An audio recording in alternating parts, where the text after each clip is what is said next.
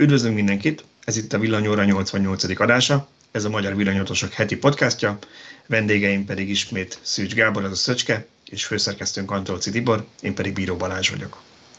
Nézzük, mi lesz a mai kínálatunk. Elég sok témával készültünk, úgyhogy ezt, akik már régóta hallgatnak minket, tudják, hogy megpróbálunk minél többet bele zsúfolni, de nem garantált, hogy mindenre van idő, mert el tudjuk pofázni az időt minden gond nélkül. Az első téma, amiről beszélni akarunk, az a hacker támadás a Kárcs kapcsán. Aztán beszélünk kicsit arról, hogy mennyire szívás ma a töltés. Erről Szöcskének volt egy jó cikke. Utána kicsit beszélünk, csak hogy a Teslát is megemlítsük benne, hogy ne legyen róla szó. Beszélünk a Tesla hivatalos magyar szervizéről és a Model Y átadásokról. Majd van egy nagyobb témánk az önvezető autókról, mert ott most három nyilatkozat meg eset is, ami kapcsán ö, ö, fontos róla beszélni. És ha marad idő, akkor lehet, hogy lesz egy bitcoinos témánk is a végére. És még van egy bónusz téma, de ennyire nem vagyunk optimisták, hogy szerintem kezdjük el, aztán meglátjuk, mennyi fér bele. Szóval urak, akkor kezdjük a kárgyal. Szöcske szerintem vázolt fel, hogy mit kell erről tudni, mert te írtad róla a cikket szeretnénk neked ajánlani, hogy akkor megjön az autó, akkor rögtön regisztrálj, és akkor Rögtön, Mindenképpen, hogy a, a bankkártyámat ezek után nagyon szeretném a kártyának kiadni, igen.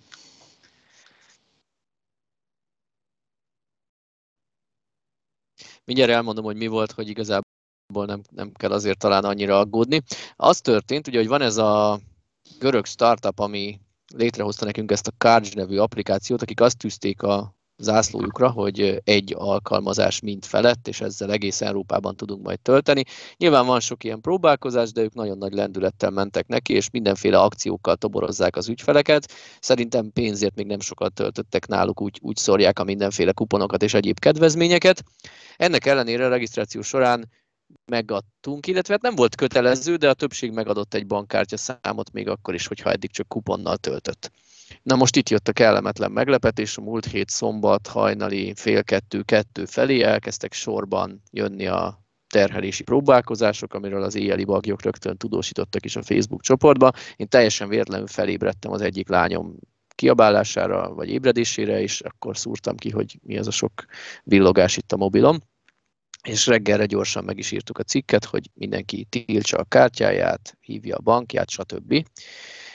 Addigra már elég sok kártyát a bankok önállóan is letiltottak. Bocsánat, itt tegyük Igen. hozzá, hogy itt nem kis összegekről volt szó, tehát nem két-három ezer forintos terhelések, hanem hogyha minden átment, akkor fejenként olyan közel egy millió forint értékű Így terhelés van. érkezett. A Így van, sorba egymás után úgy próbálkozott, hogy 100, 200, 1000, majd 2000 dolláros terhelés.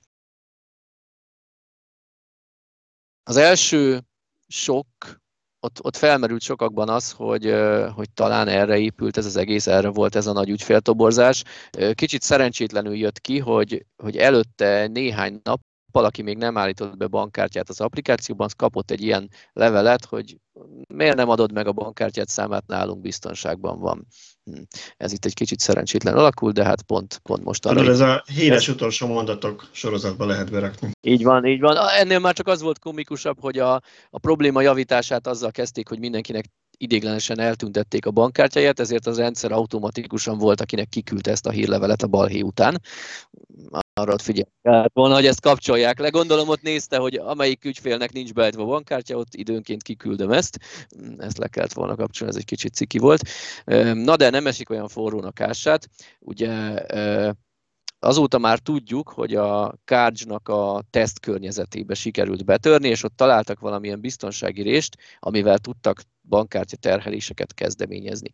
De nincs szó arról, hogy ellopták volna a bankkártya adatokat, és jobban megnézve a, a terhelést indító szolgáltatót és a számlákat már látszott, hogy a Kárgy nevében jöttek ezek a terhelések. Mivel nem volt mögötte valós szolgáltatás, ezeket rögtön vissza is fizették, illetve intézkedtek a visszafizetésről. Itt ugye fontos megemlíteni, hogy technikailag ez úgy történik, hogy nem a kárty maga kapta meg a bankkártya adatainkat, hanem a Stripe nevű fizetési szolgáltató, ami gyakorlatilag mint az OTP Simple és Barion és stb. Tehát több ilyen szolgáltató van. A Stripe az egyik legnagyobb talán világszinten ezek közül, tehát náluk a Stripe szerverein tárolják a mi bankkártya adatainkat.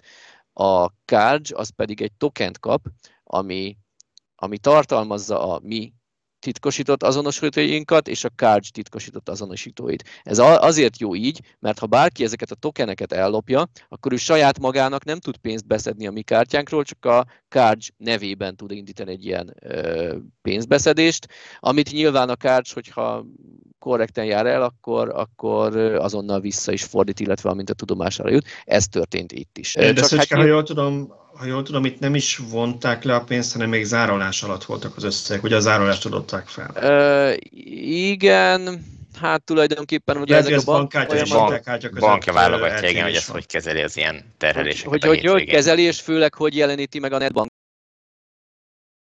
van, és még erre jön, hogy az ügyfél hogy éli ezt meg. Tehát nem mindenki járatos annyira bankügyekben, hogyha meglát egy mínuszos tételt a számláján, egy millió forint értékben, akkor tök nyugodt legyen, hogy ja, az csak zárolásban van, majd visszakapom. Tehát én teljesen megértem, hogy az emberek pánikoltak. Hát meg ugye azért valószínűleg kevesen vannak, akiknek csak úgy egy-két millió forint van úgy egy normál hétköznap, ha éppen nagyobb vásárlásra készül a bankszámláján, tehát szerintem csomó embernél ez praktikusan azt jelentette, hogy reggel arra ébredt, hogy le van nullázva a számlája.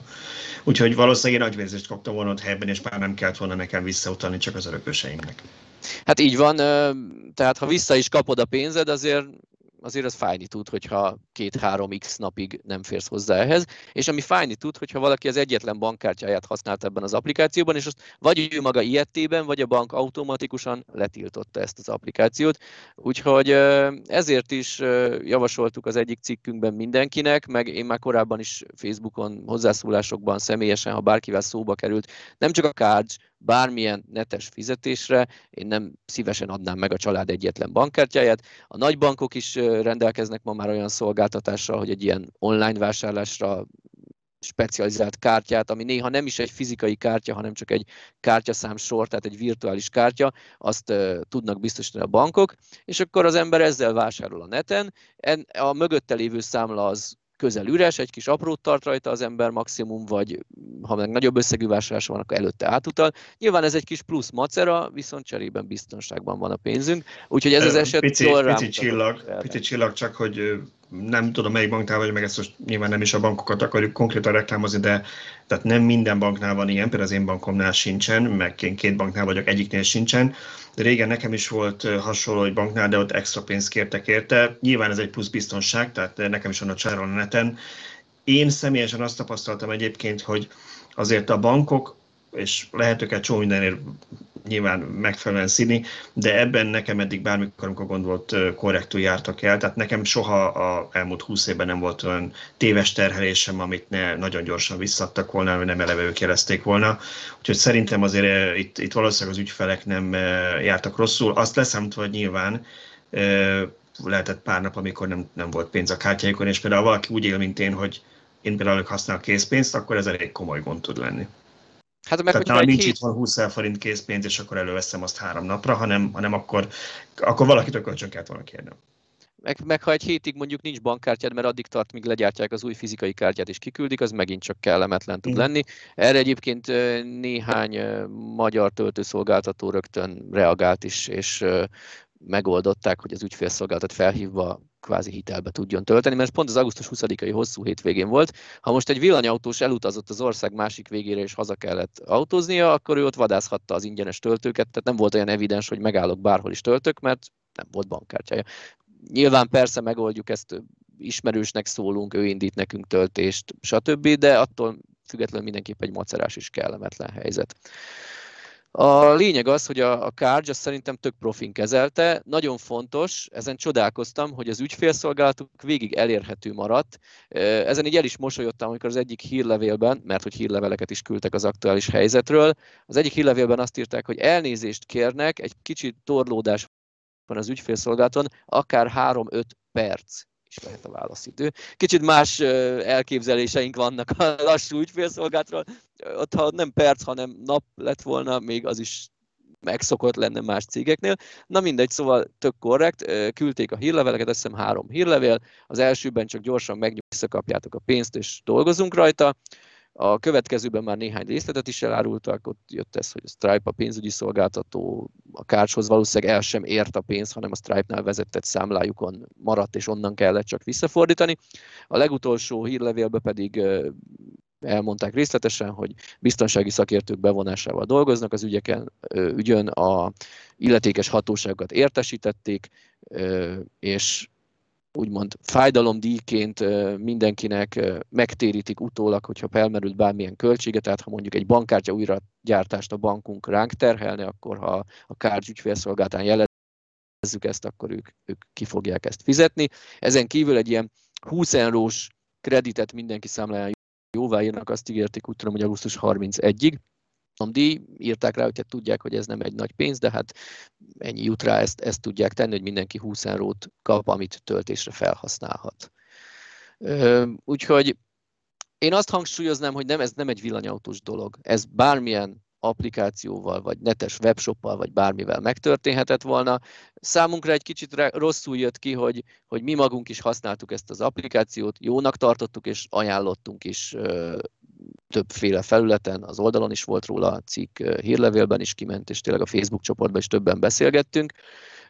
Ott privátban tényleg én, én többször hangsúlyoztam, hogy tegyél mögé inkább egy Revolut kártyát, vagy egy olyan bankkártyát, amit kevésbé használsz, nincs rajta a teljes vagyonod, nem függ tőle a család megélhetése, de ez nem a kárty elleni bizalmatlanságom volt, hanem én minden netes vásárlásnál így. Hogy ezt, ezt tovább lehet, hogy lehet, hogy ezt én is tovább is mert nekem közvetlen normál bankkártya volt, amit én rögtön egyébként azonnal le is tiltattam, mert hogy nem lehetett akkor még látni, hogy mekkora a probléma, tehát hogy, hogy magát a kártyadatot lopták el valahonnan, akár a Stripe-től, akár bár azt mondjuk sejthető volt, mivel számlát is küldtek a terhelésről, hogy itt valószínűleg a kárty rendszerén belülről érkezhetett a, a, a terhelés indítása, tehát az, a, az az utasítás, amivel um, ezt megoldották. Nyilván, hogyha a kártya számot lopják el, akkor nem jött volna számla róla, így utólag végig gondolva, de hát nyilván az ember óvatos, úgyhogy én le is tiltattam.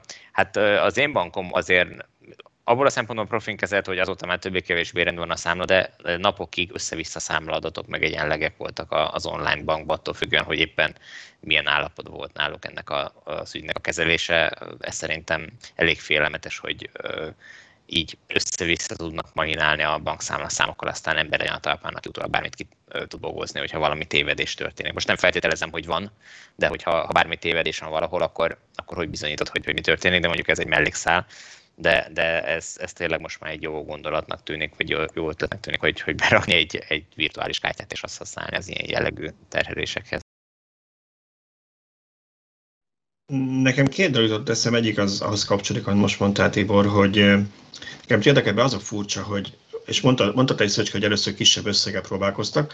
Nekem az egyik első ilyen élményem, amikor volt egy, egy ilyen téves, nem is téves terhés, valószínűleg egy-egy csaló próbálkozott, az volt, hogy jó pár évvel ezelőtt voltam, felhívott a bankom, hogy láttak egy terhelést a számlámon egy New Yorki kávézóból 5 perccel ezelőtt, de azt is látják, hogy negyed órával előtte Budapesten egy CBA-ban vásároltam, úgyhogy az ő rendszerük ezt automatikusan megfogta, és ne lepődjek meg, tiltották a kártyát, utána mennek, hogy mi van, valószínűleg kikerülhetett valahol a kártyadatom, de már küldik is nekem az új kártyát há- három napon belül ami egyrészt nagyon megnyugtató volt, hogy ilyen algoritmusok figyelik ezt, és feltűnik nekik, hogy valószínűleg nem tudsz New vásárolni 5 perc után azután, hogy vásároltál Budapesten, tehát ha nem online shopról van szó, akkor ezt kiszúrják. De nekem az jutott erről eszembe, hogy a kárt szempontjából, vagy más szolgáltatók szempontjából veszély, hogyha esetleg ilyen fekete listára kerülnek a bankoknál, és ezen túl mondjuk megállíthatnak, tehát töltést mondjuk nem tudunk elintani, mert lehet, hogy egy banknak az algoritmusa megfogja, mert, mert gyanús neki egy kártyos tranzakció, és ez lehet esetleg egy probléma. Hát erre, erre van ugye kitalálva a két lépcsős hitelesítés, vagy azonosítás, amit idén januártól kötelező volt bevenni, bevezetni a bankoknál, de itt ugye az online vásárlásnál ezt kétféleképpen értelmezik. Van két lépcsős azonosítás, amikor megadjuk a kártyaszámot, de a későbbi vásárlásoknál a mi érdekünkben már nincs. És uh, itt volna az, amiben nagyon-nagyon különbözően reagáltak a bankok. Volt olyan bank, aki uh, az 1000-2000 eurókat már megfogta, mert gyanúsnak ítélte, uh, volt olyan, amelyik mindet átengedte, és nekem itt például nagyon szimpatikus volt a Revolut, fogalmam sincs, hogy honnan ö, vette, hogy ez egy gyanús terhelés, de nekem az applikációban megjelent egy hagyd jóvá, ha szerinted okés gomb, ezt egy push üzenetben kitolta. Na most, ha én valóban töltök, akkor nyilván úgyis ott a mobil a kezem ügyében, és rányomok. Legkésőbb akkor, amikor nem indul a töltés, tehát a legnagyobb kellemetlenségem az lehet, hogy újra el kell a töltést, ha későn vettem észre ezt a push üzenetet, de nyilván a mobilomhoz kapok, hogy miért nem indul a töltés, és akkor, akkor már is Alapvetően egyébként szerintem jó megoldás lenne erre az, amit a PPS-es vásárlásodnál alkalmaznak, hogy ugye ez most a, a pandémia óta 15 ezer, korábban 5 ezer forint volt, hogy az alatt hagyják, mert most mi a rizikója annak, hogy 10 ezer forintot nem, hogy az menne pénz, tehát azért ez viszonylag kis összeg, de abba belefér simán egy villanyautótöltés, vagy akár egy tankolás is, a fölött meg akkor mondjuk azon ö, jóvá kell hagynod,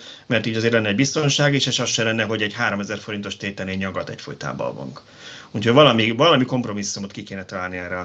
Persze, csak erre, erre megvoldják azt, hogy sok 3000-es terhelnek, nem egy nagyot. Nyilván előbb-utóbb az is ki fog bukni. Hát azt azért már megfogja egy algoritmus szerint. Nyilván hogyha... az, hogy a Revolut megfogta és engedélyt kért, az azt jelenti, hogy lehet ilyen algoritmus csinálni és lehet ilyen védelmi rendszert csinálni, és az, hogy a, a, az én bankom például, és most nem mondjuk nevet, az nem fogta meg, az azt jelenti, hogy ez a bank ez ebből a szempontból jócskán le van maradva a, a többihez képest. Úgyhogy igen, mert Szöcske. bankokról, nagy bankról is hallottunk olyanról, aki, aki megfogta. E, igazából, amivel én még foglalkoznék egy fél mondat erejéig, hogy kinek állhatott érdekében egy ilyen hack. Mert ugye ez anyagi kár tulajdonképpen, hát a kárgyot éri, mert nyilván ők dolgoztak, de a legnagyobb veszteség a kárgy reputációja, hírneve. A felhasználók itt nem arra van szó, hogy valaki magának is. szerzett pénzt. Igen. Igen, a hacker nem magának szerzett pénzt. Itt két, két okot tudok elképzelni a háttérben. Az egyik az csak egy, egy tini hacker próbálkozása, aki erőfitoktatásból csinált ezt az egészet, és neki tök mindegy volt, hogy a kárdzsot, vagy éppen egy netes játékot, vagy akármit. Itt talált részt, kihasználta, keménykedett. Ez az egyik út. A másik út meg, hogy valamiért valakinek érdekében áll a kárdzsot el lehetetleníteni, vagy kilökni hát a els, Első körben az közelmúltban kirogott alkalmazottak listáját nézni, mert a kárcs helyében maradjunk ennyi. Viszont én azt a kérdést tenném fel, hogy ha már a kárgy reputációráról beszélünk, hogy mit gondoltok ti és mit nézők, ezek után meritek használni? Balázs, nem sokára jön a Model 3, Ionity tök olcsón tudsz tölteni a kárgyal. Hát nézd, picit átvezetve a következő témánkra, azt mondanám, hogy olyan jól meghozta a kedvemet a villanyautó töltéshez, megvártad, amíg az autót már nem tudom visszamondani se, hogy én szerintem csak itthon fogok tölteni, viszek magam a pár góliát elemet, de én nem fogok beállni be semmilyen szolgáltatót tölteni azok után, amiket írtál a következő témánkban, de még azért akkor ezt... töltés helyett csak szívunk. nem, még mielőtt tovább lépünk. Én Igen? azt mondom, hogy én nem fogom törölni a Cards accountomat, tehát hogyha ha jó árakat kínálnak egy töltőnél, akkor én használni fogom, mert miért ne. Tulajdonképpen a, a, ahogy kezelték a szituációt, az rendkívül profi volt. Tehát nem tűntek kétségbe esetnek, sőt, emiatt voltak egyébként az elején gyanúsak, hogy miért nincsenek ezek kétségbe esve, miközben ekkora támadás érte őket. Én, hogyha én ülnék ott, akkor biztos, hogy szanaszét lennék. Lehet, hogy ők is voltak, de kifele ez nem látszott. Tehát, hogy ez szerintem... Igen, volt, volt egy olyan pillanat, amikor kiküldték az első levelet, hogy nyugodjon meg mindenki, a pénzetek biztonságban vissza fog menni, akkor sokan így fejükhöz kaptak, hogy vajon ez nem azért van, hogy ne szaladjunk a bankhoz jelenteni a tranzakciót, és nekik legyen idejük besöpörni a kest? Hát igen, ennyire ja. a hackerek az e-mail rendszerét is feltörhették volna a cégnek, és Akár. küldenek egy ilyen üzenetet, hogy ne hagyj bármit csinálj. De én még azt... A... Na ez ellen egy remek védelem, hogy a készpénzfelvételi limitet egy forintra vagy nulla forintra, amit a bank rendszere enged beállítjuk, és akkor innentől nem tudunk így elcsúszni elcsúszni, és ha már limit, még ezt fontosnak tartanám hozzátenni a Card Storyhoz, hogy ők, amit többek között tanultak ebből az esetből, hogy a Stripe nál kérték, hogy állítsanak be egy észszerű limitet. Ugye nem életszerű, hogy valaki 600 ezer forintért tölt elektromos autót. Tehát a legdrágább... egy hálózaton, de igen. Alapvetően. Igen. A, a legdrágább töltőhálózat és a legnagyobb ma, ma kapható villanyautó akkujának kapacitását szorozva egy észszerű limitet be lehet állítani. Megpróbálkozok még egyszer az átkötéssel, már csak azért is, mert egyébként volt egy másik, másik módja is, amit eredetileg terveztem. Az pedig arról szólt, hogy, hogy én is azért mondanám, hogy használnék ilyen kárs-szerű szolgáltatásokat a, a jövőben, mert, mert az egyik így hogy mondjam, még csak ilyen teszt, teszt ilyen autotesztek kapcsán találkoztam töltőhálózattal, de egy félig meddig kívülről szemlélve, az egyik legnagyobb nyűg az nekem mindig az volt, hogy, hogy nem az van, mint a bankkártyán, ez van egy darab bankkártya, és azzal bárhol tudok fizetni, vagy, vagy készpénzzel, ugye a készpénzes bárhol tudunk fizetni egy benzinkútnál, hanem, hanem gyakorlatilag a hányház annyi szokás, mindenhova külön app, token, fele tudja micsoda, és azért vonzók az ilyen szolgáltatások, mint a Kács, mert pont ezt a nyűgöt vonják ki az egyenletből.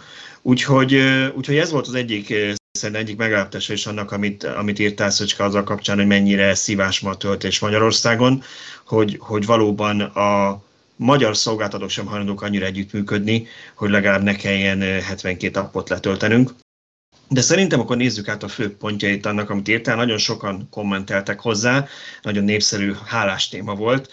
Bárcsak ne lett volna az, lett volna inkább neked kinkeserves dolog összeszedni, mert annyira jól működik minden, hát itt azért még nem tartunk. Úgyhogy én gyorsan végigmennék egy pár, pár témán, de lehet azt kellene csinálni, akkor, hogy akkor inkább egy egyenként, és akkor tudunk róla beszélni, jó, hogy ne felsorolja. Jó, hát között. mind a 18 ponton ne, mert 18 Jó, pontot még, szedtem össze egy szavazásra a Facebook csoportban. Az én kedvencemet, vagy az olvasók kedvencét? Is, is, annyira van Én úgy gondolom, hogy ami, ami leginkább gördülékenyé tehetni a villanyautó töltést, az a roaming úgy Magyarországon a belföldi szolgáltatók között, mint Európában. Tehát ha én leszerződtem egy szolgáltatóval, és onnan kapok egy RFID kártyát, kulcstartót, ugye mind a kettő forgalomban van, akkor ezzel baromi gyorsan tudok töltést indítani az adott szolgáltató oszlopain.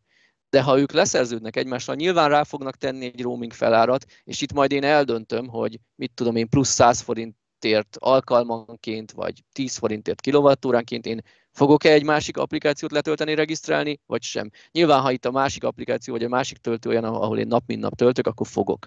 De ha mondjuk egy hosszú útra indulok, és egy országon csak áthaladok, és életbe egyszer töltök, akkor én nem fogok 500 forintért ott keresgélni, hogy kinél is regisztráljak, akkor lecsippantom a saját szolgáltatóm tokenjét, és kész, megy a töltés, és boldog vagyok. Tehát szerintem ez lenne a legnagyobb, vagy legfontosabb dolog, és részben hasonló vagy kapcsolódó, ami a Facebook szavazásunkon magasan vezetett, vagy magasan nyert, még ugye nem zártuk le, de most tervezem a hétvégén is ebből egy összefoglaló cikket is tervezek. Azt mondják az emberek, hogy ők PayPass leolvasót és bankkártya elfogadást szeretnének az oszlopokra. Ami gyakorlatilag ugyanez lenne, hogy egy kártyával indíthassanak töltést. Két dolgot felejtenek el egyébként ezek a szavazók. Én megértem, hogy egyszerűbb töltést indítások akarnak, két dolgot felejtenek el hogy Magyarországon az elektromos autó töltés törvényileg számlaköteles. Hiába én magánszemély vagyok, és csak kidobom az iktatóba a számlát, nekem számlát kell, hogy adjanak, amint feltetik a töltött energiamennyiségem, a nevem, stb. Ez szerintem az nem teljesen így van. Hogyha ott ők helyben adnának, és én nem kérek számlát, ők adhatnának blokkot róla. Tehát nem, nem kötelező neki. A számla abban az esetben, ha applikáción keresztül fizetjük ki, az azért szükséges, mert az egy internetes vásárlásnak minősül, és mivel internetes vásárlás, arról viszont névre szóló számlát kell kiadni. Tehát ez, ez emiatt van így, hogyha az automatán, vagy a töltőn lenne egy automata, amihez oda csippentem a, a PayPass-os kártyát, akkor nagy valószínűséggel én legalábbis úgy uh, olvasom a jogszabályokat, vagy úgy értelmezem a jogszabályokat, hogy akkor elég lenne egy blokk is. De akkor is kell egy blokk nyomtató. Ezt mindenki elfelejti, hogy ezek a nyomtatók most úgy működnek, hogy ki vannak téve valahova, és mondjuk egy AC töltőhöz, mit tudom, fél évente egyszer megy le egy szakember megnézni, hogy tényleg működik-e, még minden rendben van, hogyha kell kitakarítja, vagy nem tudom, leporolja, kicseréli a, nem tudom, a plexét, hogyha összekarcolódott, vagy bármit. Tehát, hogy, hogy ö, ö, nem, nincs nincs egy olyan csapat, amelyik itt minden héten kimegy, és föltölti benne a, a nyomtató uh, szalagot egy új tekercsel. Vagy, vagy hogyha ha beragad a, a, a szalag, a nyomtató szalag, akkor nincs, aki ki szabadítsa ezt, mint mondjuk egy benzinkúton, ahol ott van a kasszában a, a, a kolléga, és akkor kinyitja, kihúzza, becsukja, letépi a összegyűrödött részt, és, és akkor megy tovább az élet. Ezt nem tudja senki sem megcsinálni. Tehát, hogyha előfordulhat, hogy nem tudok tölteni azért, mert be van ragadva egy, egy szalag. Teljesen igazad van, Tibor. Egy pillanat csak ezzel, hogy teljesen igazad van. Teljesen biztos, hogy ez így van. Én ehhez kicsit cinikusan azt tudnám hozzátenni, hogy milyen szerencse, hogy semmilyen más szolgáltatónak nem problémás nem kötelezettsége Magyarországon, csak a töltőosztopoknál. Tehát szerintem azért, ha ezt minden más szolgáltatás meg tudja oldani, hogy nyomtat egy blokkot, akkor itt is kellene. De mindenki hát mondja, hogy... amit Egyébként igen, a nekik van egy mentességük. Igen, lehet az ilyen automatákra van egy mentesség, ami nincs Igen, de a cool automatában be kell tölteni a kólát. A lényeg az, hogy... Jó, hogy mondod, hogy mondod, mert én például a cool automatánál nem láttam, de ez jó, hogy mondod, mert én, én elég sokat használtam. Nekik van egy mentességük, igen, az ilyen automatákra van egy mentesség, ami nincs kiterjesztve a villanyautó töltőkre. A lényeg kellene az, már, hogy... Kellene már egy villanyautót adjunk pár, pár döntéshozónak, már tudja legalább saját zsebből fizessék ezeket a Azért nem ez az egyetlen dolog. Tehát itt a, a, a blokkon kívül van, aki számlát kér. Tehát akinek céges autója van, és céges ügybe tölt, mert nem mondjuk, mit tudom én, kapsz, mit tudom, egy uh-huh. országba kell különböző helyekre eljár, és kapsz egy céges szolgálati autót ehhez, és azt kell útközben töltened, akkor neked számlát kell, hogy kapj valami úton módon De az nem, az nem jó elektronikusan neked a számla arról? Hát de honnan fogja tudni a szolgáltató, hogy mit ír rá? Pillanat, pillanat, pillanat. Tehát, hogy ha, ha, ha ugye arról beszélünk, hogy ezeket a töltőket fejleszteni ja, kellene egy igen. bankkártya leolvasóval, ugye? Tehát ha ehhez raknak egy, egy érintőképernyőt is, akkor azon már be tudod pötyögni a céges adatokat, és e-mailbe kapsz egy hiteles PDF számlát. Akkor nem kell neked ott nyomtatni. Akkor, akkor nem kell, akkor nem tudod megúszom, de akkor is kell Igen. egy, egy érintésérzékeny, strapabíró, kakaóbiztos monitor, amit... Hát, na jó, de erre mondom azt, hogy azért, azért, ez, tehát azért ez, ez nem egy olyan egyedi dolog, ami, amivel még soha senki nem találkozott. Tehát azért én, én például rendszeresen tudjátok, hogy én most még utolsó tankolásaim egyikét hajtottam a végre. Én, én mindig automata kútnál töltök, mert utálok okay, végigálni mennyi sorban, volt egy hogy 10, 10 mennyi, mennyibe került egy töltésed?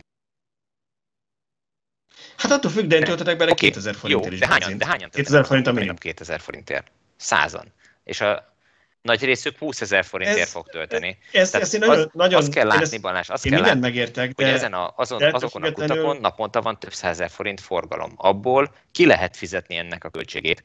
De egy AC oszlopon, ami hódmezővásárján, amit én használok, amikor a szüleimhez megyek, azon az oszlopon én töltök egyedül. Ezt szinte teljesen konkrétan tudom. De nehogy már azt mond nekem, hogy ennek az, ennek az oszlopnak a bekerülési költsége, amit az a, a, a heti három töltés alatt kell amortizálni, amellett ez lenne a legnagyobb tétel, hogy, hogy kell egy, egy posztterminált, egy olvasót kirakni, meg egy, egy érintőképernyőt. Az technikailag ez megoldható, ez nem kérdés. Ha akarod, ők ráteszik. Csak így is viszonylag drága a töltés. Akarsz-e te a jelenlegi 100 forint per kilovattúra helyett 120-at fizetni azért, hogy kifizesd annak az embernek a munkadíját, aki hetente kimegy papírt cserélni, vagy a beszorult papírt kihúzni, vagy akármi? Hát aki akkor annak van egy ilyen kényelmi feláll. De nem, az mert ezt tölt. mindenkire szétterítik. Addig, amíg havonta 17 töltés van, vagy rosszabb esetben három töltés van egy AC töltőn, addig nem fogják megvárni, és annak az egy embernek számlázzák ki a bankkártyás fizetés díját, aki való bankkártyával fizet, hanem ezt az összes tranzakcióra szétterítik. Tehát onnantól, ha most hoznának egy törvényt, hogy holnaptól el kell fogadni PayPass terminállal kártyát, onnantól a töltés megdrágulna 10-20 százalékkal, és senki nem használná úgy a PayPass-t, vagy nagyon-nagyon kevesen használnák, mert e, igazából az emberek azt várják, hogy ettől gyors lesz és egyszerű a töltés, mert lecsippantom, megy az áram. Nem. Itt, ha lecsippantod, akkor megjelenik a kérdés, hogy hány forintot zároljak a kártyádon, kiválasztod. Itt még mindig nem indul el a töltés. Megjelenik a kérdés, hogy kérsz számlát vagy nyugtát? Ha kérsz nyugtát, akkor ó, oh, oh, beszorult a papír, sajnos nem tudok tölteni, hívd az ügyfélszolgálatot.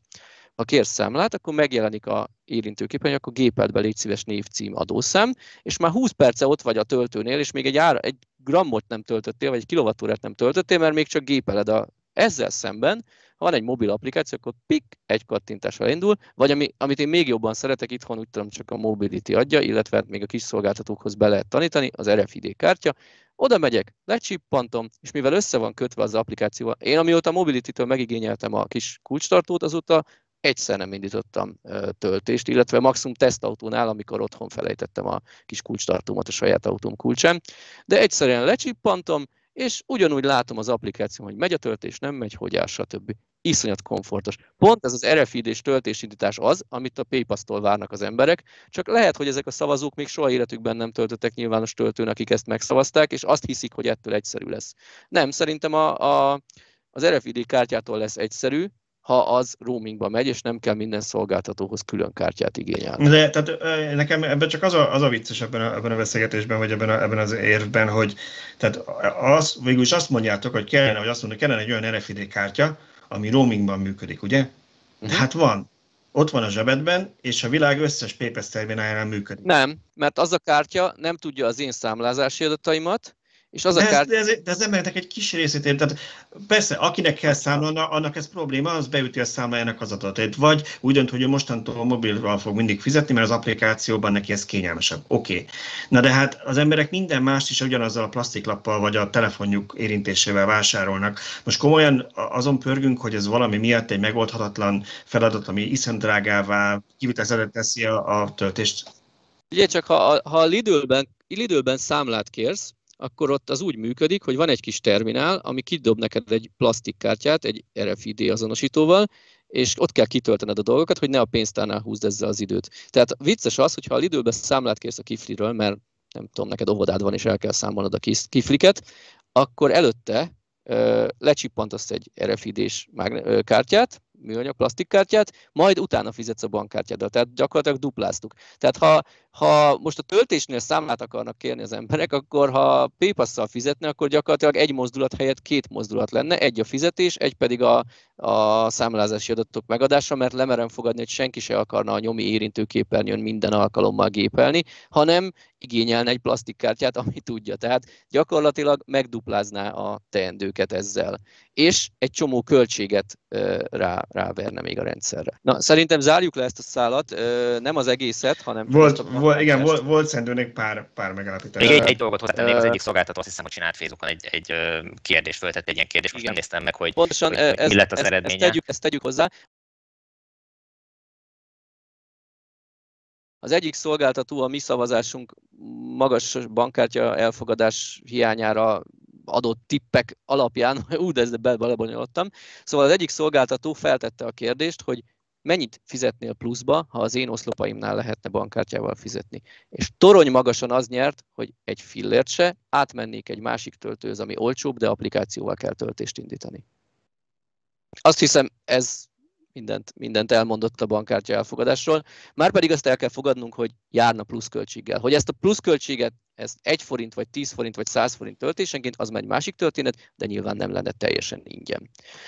Még a szavazás többi részletét, vagy többi sok szavazatot kapott eredményét azért sorolnám fel nagyon gyorsan, mert a többség, a válaszok többsége egyértelművé teszi, hogy az embereknek a applikációs töltésindításos vacakolással van baja, ugyanis a bankkártya elfogadás mellett még ilyenekre szavaztak sokan, hogy legyen plug and charge töltésindítás, mint a Tesla Supercharge ellen. Az is elég sok szavazatot kapott, hogy az applikációk használata bonyolult, nehézkes, megbízhatatlan. Ezen kívül még jó eredményt ért el az, hogy több oszlop kellene egy helyszínre, hogy ne az legyen, hogy ha foglalt vagy meghibásodott az oszlop, akkor máshová kell autóznom, hanem legyen ott egy második, harmadik, negyedik oszlop, amit használhatok.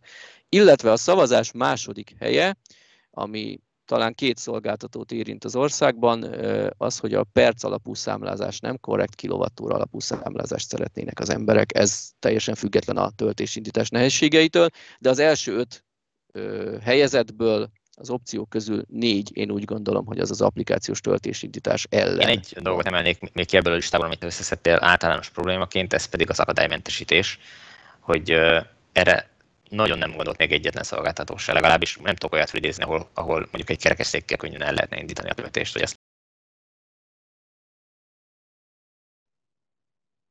Erről régebben én terveztem egy cikket, de aztán valahogy elmaradt fotókat is kaptam egy érintett villanyautóstól, és igen, a kiértékelős cikket gondoltam rá, hogy azzal fogom indítani, hogy az empátiából elégtelenre vizsgáztak a villanyautósok, mert mindenki hisztizik itt a P-passon, stb. És egyetlen, azóta már egy szavazat van, de akkor még egyetlen egy szavazat sem volt az akadálymentesítés hiányán. Az a minimum, hogy minden töltőoszlopot szigetre tesznek, meg elé tesznek ütközésgátlókat, ezek tök jogosak, logikusak. De ha valaki kerekesszékből szeretne töltést indítani, az neki szinte lehetetlen.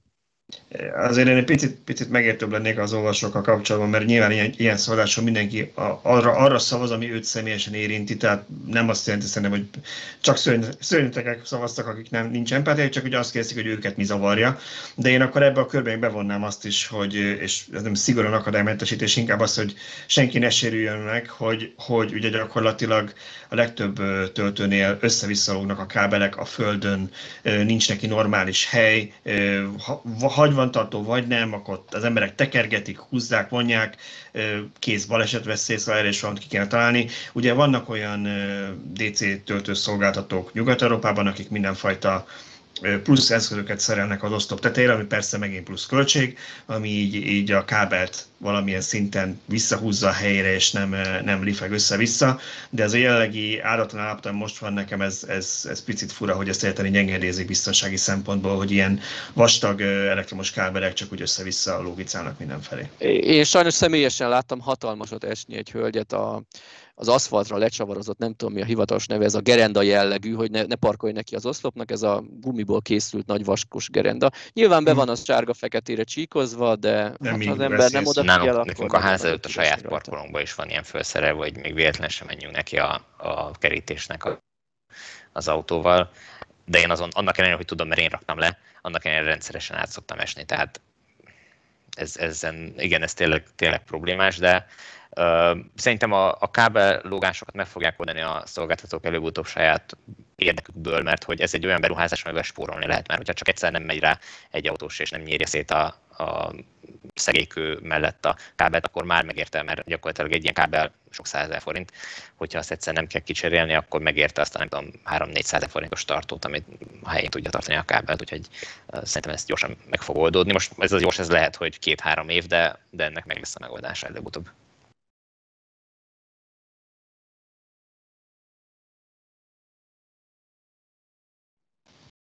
Oké, okay, Szöcske, van még valami, amit erről a, a cikkből Nincsen, szerintem elengedhetjük ezt a témát. Oké. Okay. Jó, akkor menjünk a, menjünk a következőre, mert hogy bőven készültünk. A következő pedig egy Teslás hír, amit esküszöm nem én raktam be, a Teslás téma, hanem ezt Tibor követte el. Ha Tibor, meghagynám neked, hogy felvázold. Itt ugye azt mondtad, hogy azzal kapcsolatban beszéljünk egy kicsit, hogy most már egyre inkább úgy tűnik, hogy teljesen hivatalos lett, hogy hol is lesz a Teslának egyelőre ideglenesen a, a szervize Budapesten, azért mondom ideglenesen nyilván legutóbb sajatot akarnak, de most még egy partneren keresztül, illetve hogy megkezdődtek a Supercharger, Supercharger kiszállítások, ez jól sikerült. Megkezdődtek a Model Y kiszállítások, úgy néz ki Magyarországon is, úgyhogy valami ilyesmi ilyesmi szerepel. De volt átadó egyébként már? Tehát, hogy ami megérkezett autó, arról tudunk, hogy átadták? Én nem, én nem láttam ilyen tortás, tortás szalagátvágós dolgot. Én annyit hallottam, hogy az első autók, amik jönnek, azok nem tesztautók lesznek, vagy sajtóautók. Nyilván mi is szeretnénk mielőtt tesztelni, hanem, hanem vásárlói autók, vevő autók, ugye az most már jó ideje rendelhető, vagy egy jó ideje, rendelhető Magyarországon is, egy időben, amikor mennyit Európában nálunk is lehetett, tehát én úgy tudom, hogy amik érkeztek jelenleg autók, azok mind vásárlók. Ugye ebben az egészben a szervizes témában az volt a vicces, hogy amikor megnyílt a szalon, akkor én is bementem azon délelőtt, ott beszélgettem a srácokkal, meg, minden, és akkor fölvetett, tehát ott beszélgettünk róla, hogy na és hol lesz a szerviz, meg mit tudom én, és én így példaként felvetettem az egyik magyarországi szerviz helyszínt, ahol van, hogy, hogy olyan helyszín, mint, mint például ők, és akkor ott megfogyott a levegő egy pillanatra, éreztem, hogy mintha eltaláltam volna, vagy nem tudom. Igen, Talán igen, és, és gyakorlatilag most a héten ez megerősítést kapott, hogy igen, ott készül, már, már javába képzik a, a szakembereket, meg a szerelőket, meg a fényezőműhely, meg a nem tudom micsoda, és akkor ezt mikor meséltem neked, akkor, akkor mondtad, hogy hát de hát Tibor, hát ez már nyílt titok, hogy ezt már mindenki tudja, hogy ott lesz. Uh, nyilván én én nem mondhatom, én azt ígértem, hogy én nem publikálom azt, hogy ez hol lesz, de szerintem ezt napokon belül meg fogjuk tudni hivatalosan is.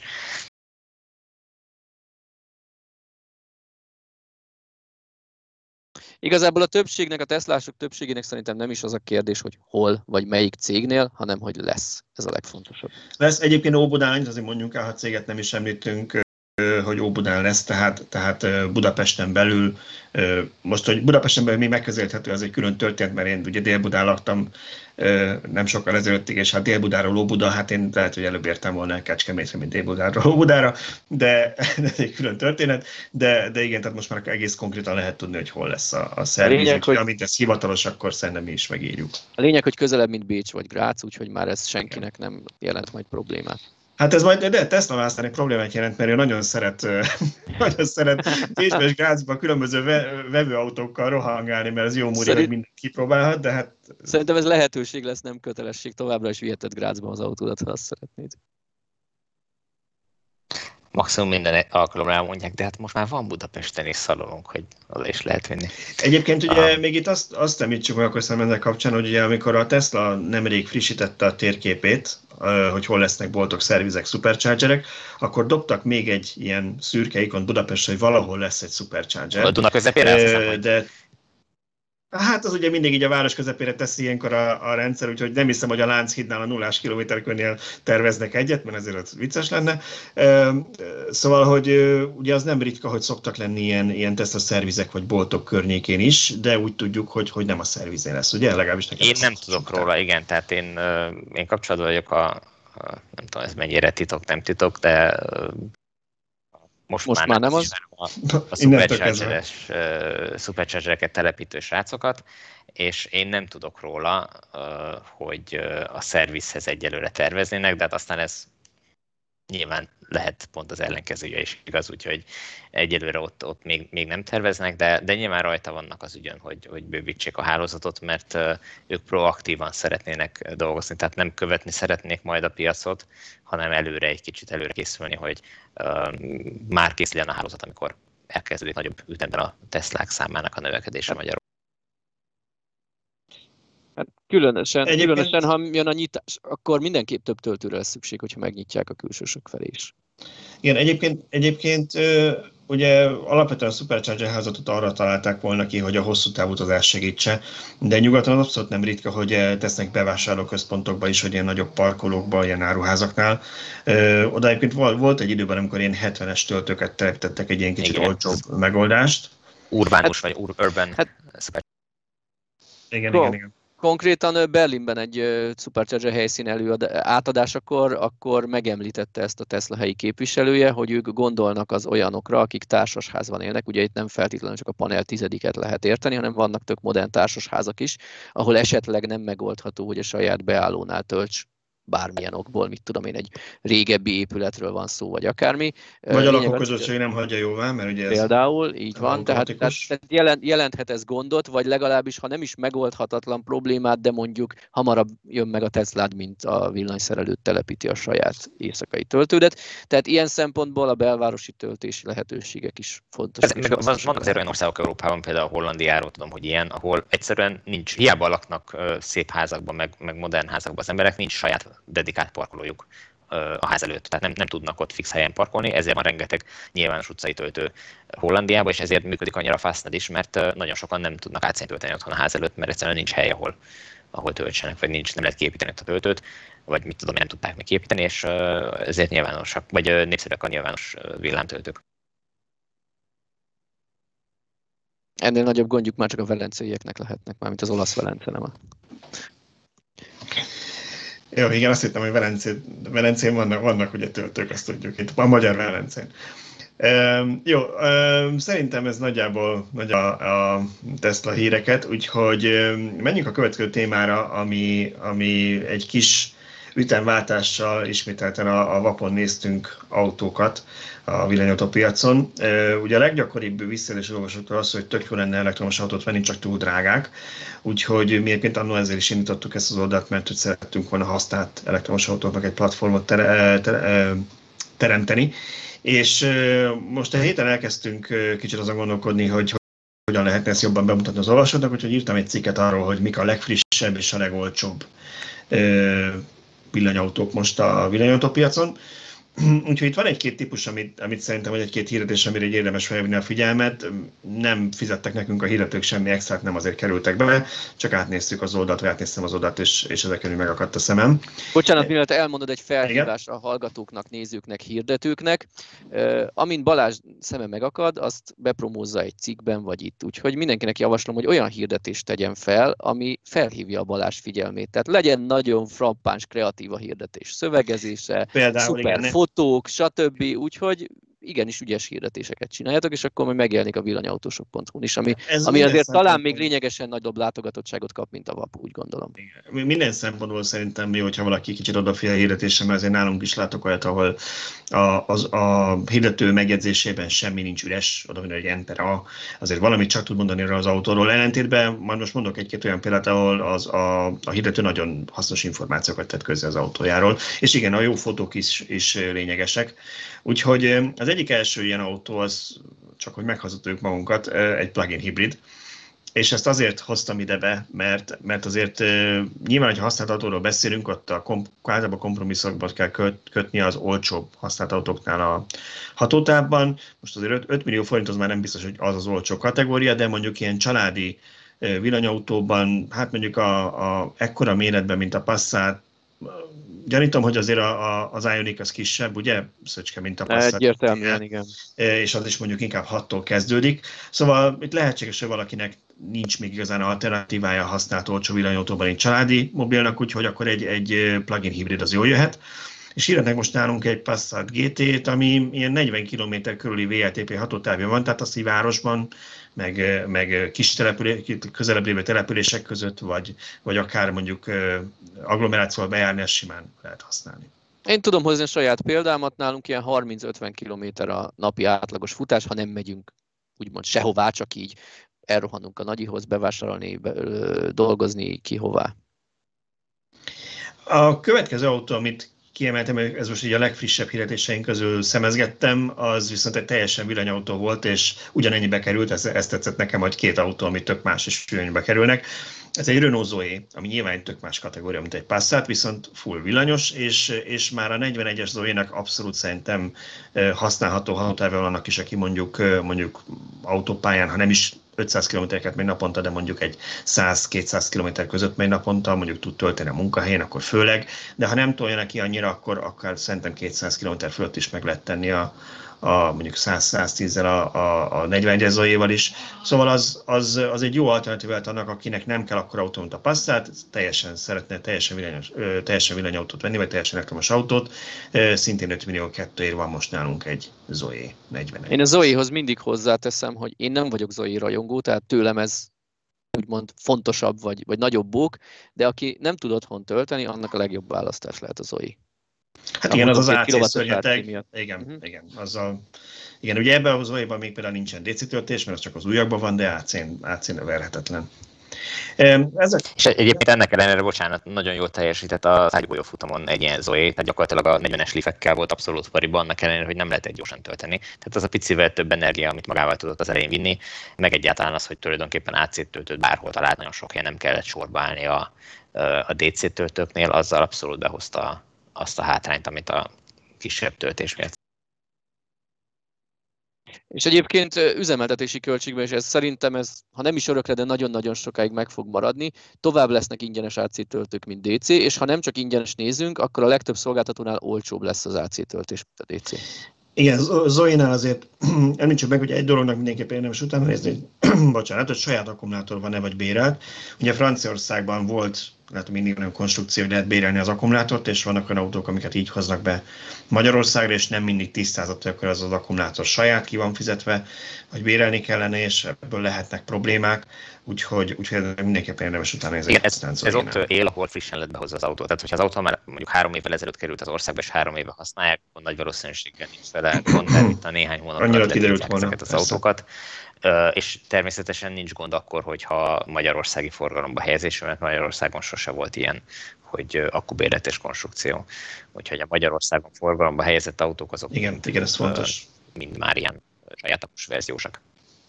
Saját akkusak, igen. Igen. Én még azt hallottam egyébként erről, bár személyesen nem próbáltam, hogy ma már tök egyszerű és gördülékeny az akku tulajdonítok lekérdezés. Tehát ha valaki használt Zoe-t akar venni, és elviszi egy Renault-s átvizsgálásra bármelyik Renault márkaszerviző, én úgy tudom, bár nem próbáltam, hogy ott már tudnak hitelt érdemlő adatot adni az akku tulajdonjogáról.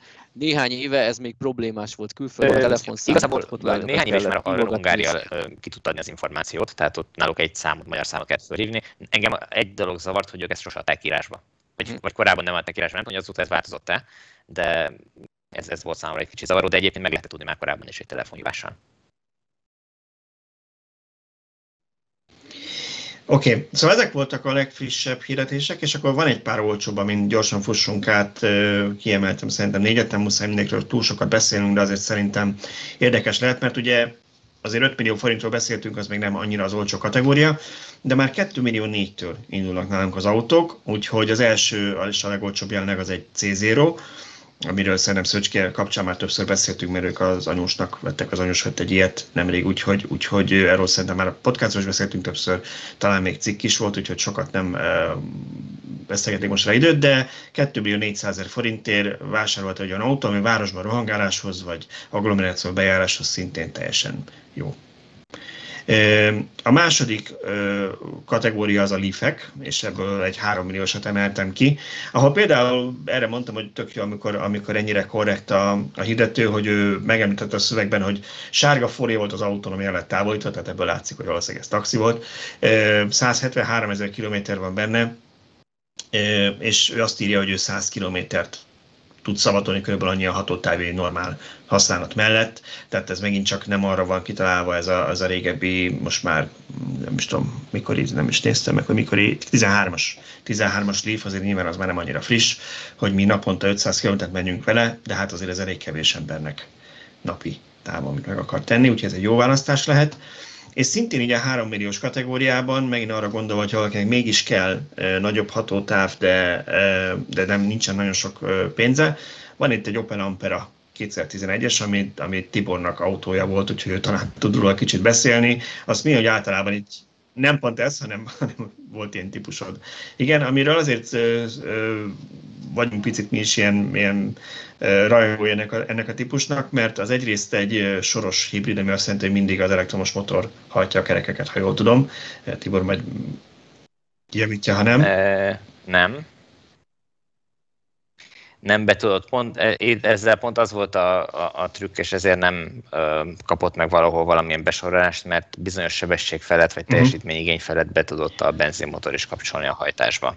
Szóval többnyire. Tehát ez egy ilyen, ilyen furcsa összvér, de egy eszméletlen jó igen, eszméletlen jó cucc, tehát nagyon technológiailag én mindig is azt mondtam, hogy ez egy zseniális uh, jármű.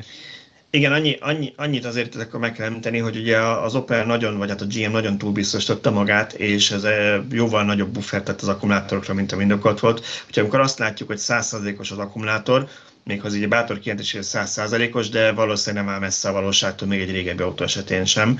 Úgyhogy szinte annyit tud menni elektromosan, mint újkorában. Igazából az a durva ebben az autóban, hogy ez vagy 8 éve, vagy hogy került piacra, és nagyjából azt tudja hatótávban, használhatóságban, mint a ma megjelenő plugin hibridek. Tehát az összes többi plugin hibrid Igen. gyártótól függetlenül ennél jóval kevesebbet nyújtott az elmúlt 8 évben, és most kezdik elérni egyes, egyes gyártók, hogy hasonló hatótávot és hasonlóan villanyautóként használható. Igazából ez egy kicsit átmenetnek érzem én a régi Amperát a, a BMW i3 Rex és a villanyautók között, mert, mert nem annyira a plug-in hibridekhez sorolnám még ha az is. Ez sokkal inkább egy, egy olyan villanyautó, ami tényleg villanyautóként használható, de ott a, ott a hatótávnövelő benzinmotorja. Igen, egy dolog még azoknak, akik ezen gondolkodnak, és aztán Tibor erről ezt meg tudja erősíteni esetleg, hogy ugye azért ez fontos tudni, hogy a, hogy a Ampere is egy hát ilyen összvér megoldásról picit, és, és van egy elég nagy kardán alagút hát nem az van benne nyilván, de egy ilyen ö, nagy ö, bumszli hátul, és ha jól tudom, négy személyes az autó, ugye? Vagy nem tudom, hogy hivatalosan is négy személyes Igen, de igen. középen nem lesz. Hivatalosan is abszolút négy személyes, így van. Így van, így van. Tehát családosoknak fontos lehet. Hogy így van, hát ebből készült, Amerikában volt kint öt üléses változat is a, a gyártás legvégén, de az már nem jutott el Opelként Európába. Tehát van belül Magyarországon is egy-két darab, de, de nem sok ez a klasszikus Opel Ampera, ez csak négy személyes. Oké, hát akkor ennyit most a VAP mostani kínálatából, nyugodtan mindenki böngészgesse, van általában egy 80 autó az oldalon, úgyhogy lehet, lehet őket nézni. Van nekünk még itt egy nagyobb témánk, és van egy idős, ez a végén ki fog tartani, aztán meglátjuk, ez pedig az önvezetés témakörében a heti, heti szösszenet, ez három vagy négy ilyen kisebb téma összefoglalva, vagy összefogva egy csokorba.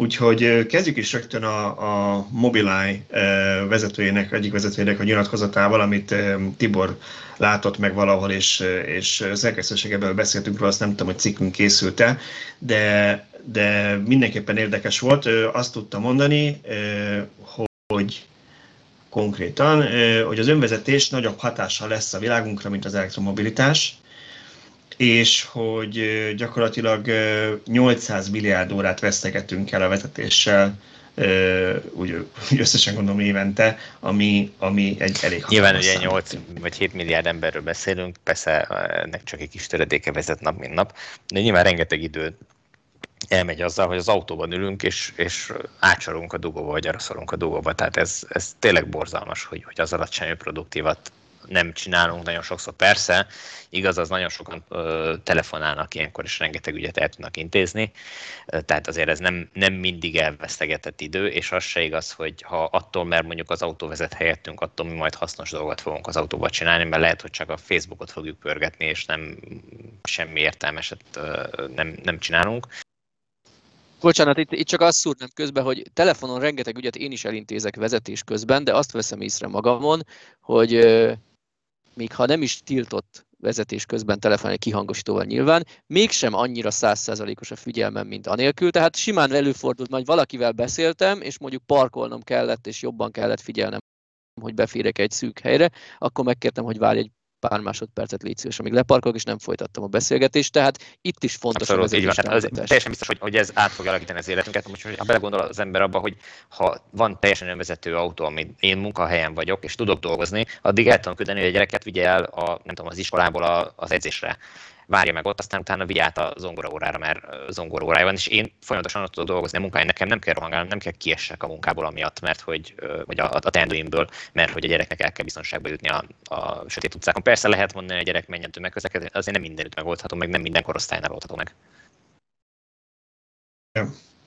Ez szokott lenni a tipikus ellenpont, amikor bármilyen kerül szóba, hogy hát nem az autó erre a megoldás, hogy ilyen sokat töltünk dugóban, hanem biciklivel kell menni, nyilván nullától száz éves korig mindenkinek mindenhova, meg, meg tömegközlekedéssel kell menni, mert az mindenhol van. Aki ezt mondja, az még nem járt Magyarországon kívül, legalábbis Amerikában biztosan nem.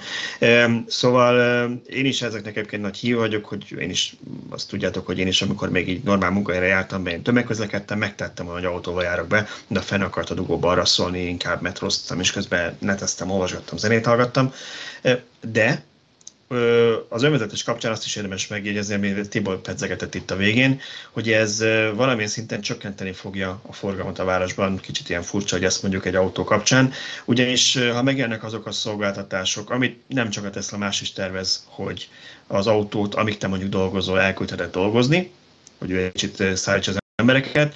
Biztos, hogy benne nagyon sok olyan lesz városlakó, ahogy már most is vannak, akik nem vesznek saját kocsit, hanem ha mégis kell, akkor egy ilyen közösségi megosztót használnak, különben tömegközlekednek. Lesznek olyanok, akik, akik majd ezeket az önvezető autókat, ami, ami napközben elérhető, azokat használják kvázi ilyen, ilyen taxi helyett, és ha ez elég olcsó tud lenni, akkor, akkor ez azt jelenti, hogy lehet, hogy egyre kevesebb ember vesz autót, mert ő 90%-ban úgyis városba jár, ha meg nem, akkor megkölcsönöz egy autót, egy ilyen közösségi megosztott, egy hosszabb útra, vagy egy másik önvezetőt. És ami, szóval valószínűleg kevesebben Ami nekem vesző paripám még, hogy az idősebb korosztályban rengetegen vannak, akiknek már nem szabadna vezetniük. Egyszerűen az egészségi állapotuk, a látásuk, a reflexeik, nem azért, mert mondjuk ne, nem kell is legyen valaki, egyszerűen csak nem tud olyan gyorsan reagálni, nem, veszi, nem, nem lát olyan élesen, nem veszi észre olyan hamar a dolgokat. Egyszerűen nem biztonságos, ahogy ők közlekednek. Nekik egy tökéletes megoldás lenne az, hogyha az autó biztonságosan tudna vezetni helyettük, és eljutnának ugyanúgy A-ból B-be, mint ahogy mondjuk az azt megelőző évtizedekben is tették. Egy vidéki városban nem mindig megoldás az, hogy taxit hívjanak az emberek, mert nincs annyi taxi, mert mit tudom én, bármi miatt nem, nem fognak minden egyes piacra járáshoz taxit hívni. De hogyha ha a saját autójával, ami tud önvezetni, azzal el tud menni, vagy tud olyan taxit hívni, ami önvezető, és mit tudom én, 5-10-20 nyugdíjas osztozik rajta tulajdonképpen mondjuk egy faluba, akkor az is egy megoldás lehet egy kisvárosban.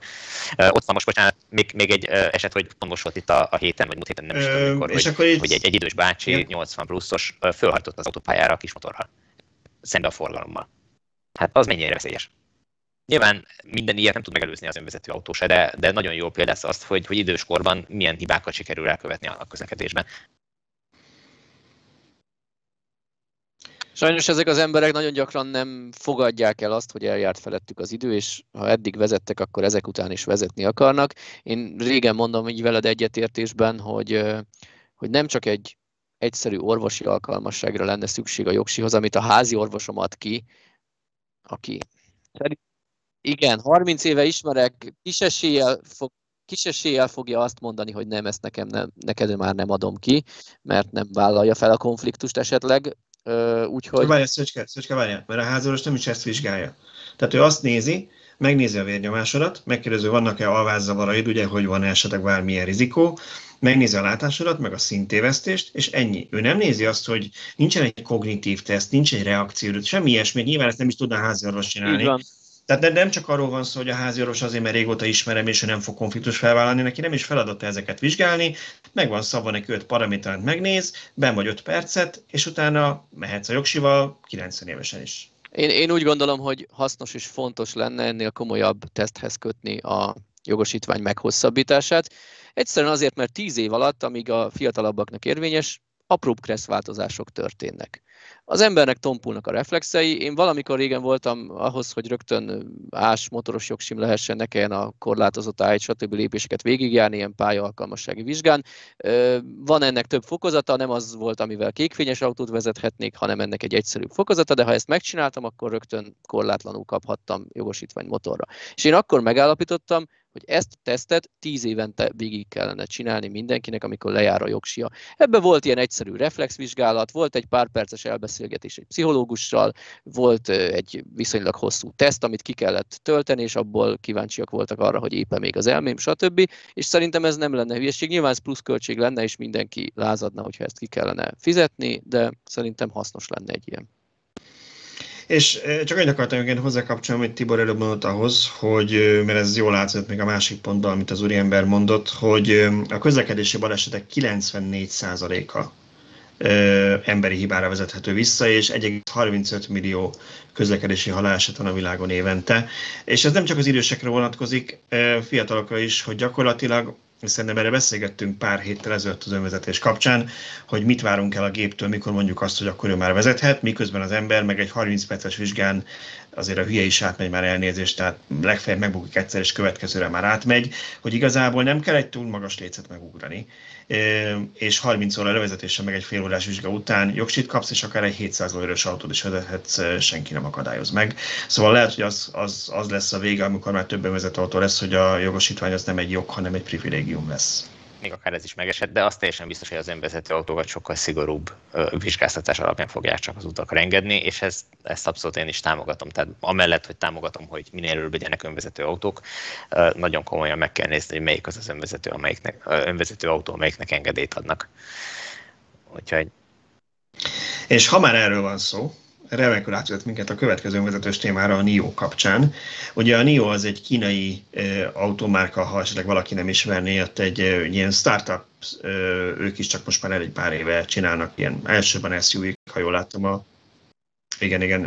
Hát meg úgy az... tudom, a kínai állam is tolt abban némi tőkét, vagy Hát ez a kínai cégeknél az szóval, előfordul, igen. Szóval talán a startupnál már egy kicsit nagyobbnak nevezném igen. őket, még ha úgy is indultak. Igen, szóval, szóval a lényeg az, hogy, hogy ők egy elég nagy, vagy egy neves cégnek számítanak Kínában, jó márkának számítanak, ilyen SUV-kat is gyártanak, mint a, mint a ES8, és volt egy elég csúnya baleset, valami kínai celeb elhunyt, amikor a, az SUV-jával, ezzel a, ezzel a NIO-val beleszáguldott egy álló, autópályán álló, talán karbantartó, vagy ilyen út, útmunkásgépbe, és ennek kapcsán változtattak, ha jól tudom, de talán ezt Zsolt írta meg ezt a cikket, tehát részletesen van írva, de ennek kapcsán változtattak így a szoftveren annyit, hogy most egy ilyen megfelelési tesztet kér a gép, miatt használ, aktiválhatnánk ezt a vezetés támogató rendszert. Amit egyébként nagyon módon Navigation Pilotnak hívnak. Hm. Hát az autópilotot már nagyon ciki lett volna lemá- lemásolni, ez még belefért. Ott is olyan Navigator autópilot, hogy azért messzire nem mentek a kvázi De, nem tudom, én, én azért nem láttam ezt a tesztet, lehet, hogy iszonyat komoly, de nekem rögtön jutott eszembe, mint aki már ilyen értékpapírokkal kereskedett, azt tudja, hogy van a, a Magyar Nemzeti Banknak egy ilyen követelménye, hogy minden ilyen broker cégnek egy online ilyen megfelelési teszt, hát hogyha online accountod van, megfelelési tesztet ki kell töltened, mielőtt kereskedhetnél. Feltesznek csomó kérdést, hogy mennyire ismersz ilyen olyan értékpapírokat, és ha nem is sikerül a válasz, kiírja, hogy ebben és ebben kockázatos neked befektetni, mert nem ismered annyira, aztán ennyi. Tehát, hogy végigbekögeted, mindenki megnyugodott, hogy kipipálták ezt a követelményt, te is bepipálgattad, leokéztad, aztán csinálhatsz, amit akarsz a pénzeddel, és el lehet mondani, hogy egy megfelelési teszt. Úgyhogy nem vagyok benne biztos, hogy, hogy egy autóban lévő ilyen megfelelési teszt az annyira messzire menne, hogy ténylegesen kiszűrni azt, aki ez nem, nem téged véd meg, nem a, nem a rendszert, meg nem a közlekedés részvevőjét védi, ez a gyártó céget védik, hogy mi megtettünk mindent, mi figyelmeztettünk mindenkit, sőt, annyira elmagyaráztuk, és annyira jól tudta, hogy mi ezt tesztet is végeztettünk vele. És ott a teszten az derült ki, hogy ő tudta, hogy miről beszélünk, megértette, hogy, hogy mi az, amit mi mondtunk neki. Erről szól az egész, az égvilágon semmi másról.